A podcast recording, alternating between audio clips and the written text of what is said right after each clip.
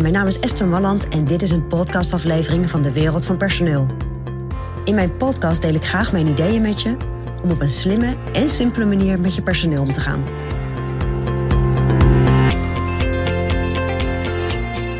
Ja, een slecht functioneringsgesprek. Je wilt natuurlijk je medewerker niet het gevoel geven dat iemand naar buiten stapt en denkt: dit was echt een slecht functioneringsgesprek. Maar hoe voorkom je dat? Hoe voorkom je dat een medewerker naar huis gaat en zegt: mm, ja, dat was echt een slecht gesprek. Ik heb er geen goed gevoel over. Ik ben ook al echt niet gemotiveerd. Kijk, je kunt dat als, als ondernemer of als leider kan je dat natuurlijk niet voorkomen. Maar er zijn een aantal dingen waar je gewoon rekening mee moet houden. Want dat zijn de dingen waardoor je medewerker dat gevoel wel krijgt. En een van de belangrijkste, en die ken je waarschijnlijk wel, maar ik wil het hier toch noemen, is dat een medewerker het niet aan zag komen.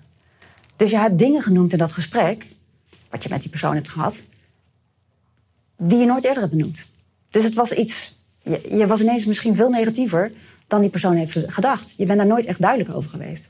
Dus iemand heeft het niet aanzien komen. Ja, en die ervaart dan uh, kritiek. Je wil dat iemand zich gaat ontwikkelen. Maar dat kan uit de lucht vallen. Nou, het niet aanzien komen is een van de belangrijkste redenen waarom iemand een slecht functioneringsgesprek ervaart. Maar een andere belangrijke reden is dat eigenlijk nog steeds niet duidelijk is wat er nu van die persoon wordt verwacht. Dus op de een of andere manier ben jij niet duidelijk genoeg over wat verwacht je van de medewerker vanuit de rol van de medewerker in jouw bedrijf. Dus niet aanzien komen is belangrijk, maar ook gewoon onduidelijkheid over verwachtingen. Ja, maar eerst zei je toch dit en nu zeg je weer dat. En als je terugkijkt, ga je dat ineens belangrijk vinden? Ik snap het niet meer.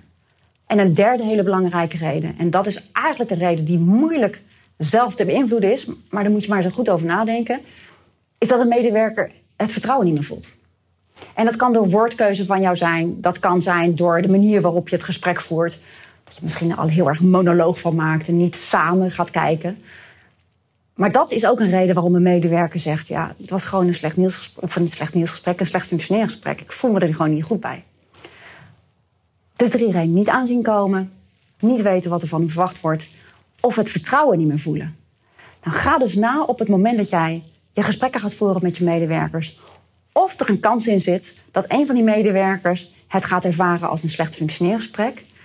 En kijk dan even of je in de aanloop naar dat functioneringsgesprek hier nog iets aan kan doen, zodat de medewerker zich niet overvallen voelt en inderdaad met een vervelend gevoel naar huis gaat. Want dat willen we natuurlijk niet. Dat willen we eigenlijk nooit.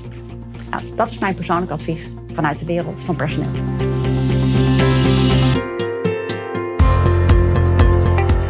Wil je ontwikkelingen in de wereld van personeel blijven volgen? Abonneer je dan op ons podcastkanaal. ook op onze website vind je allerlei slimme ideeën en adviezen. Dus kijk even rond op www.dewereldvanpersoneel.nl.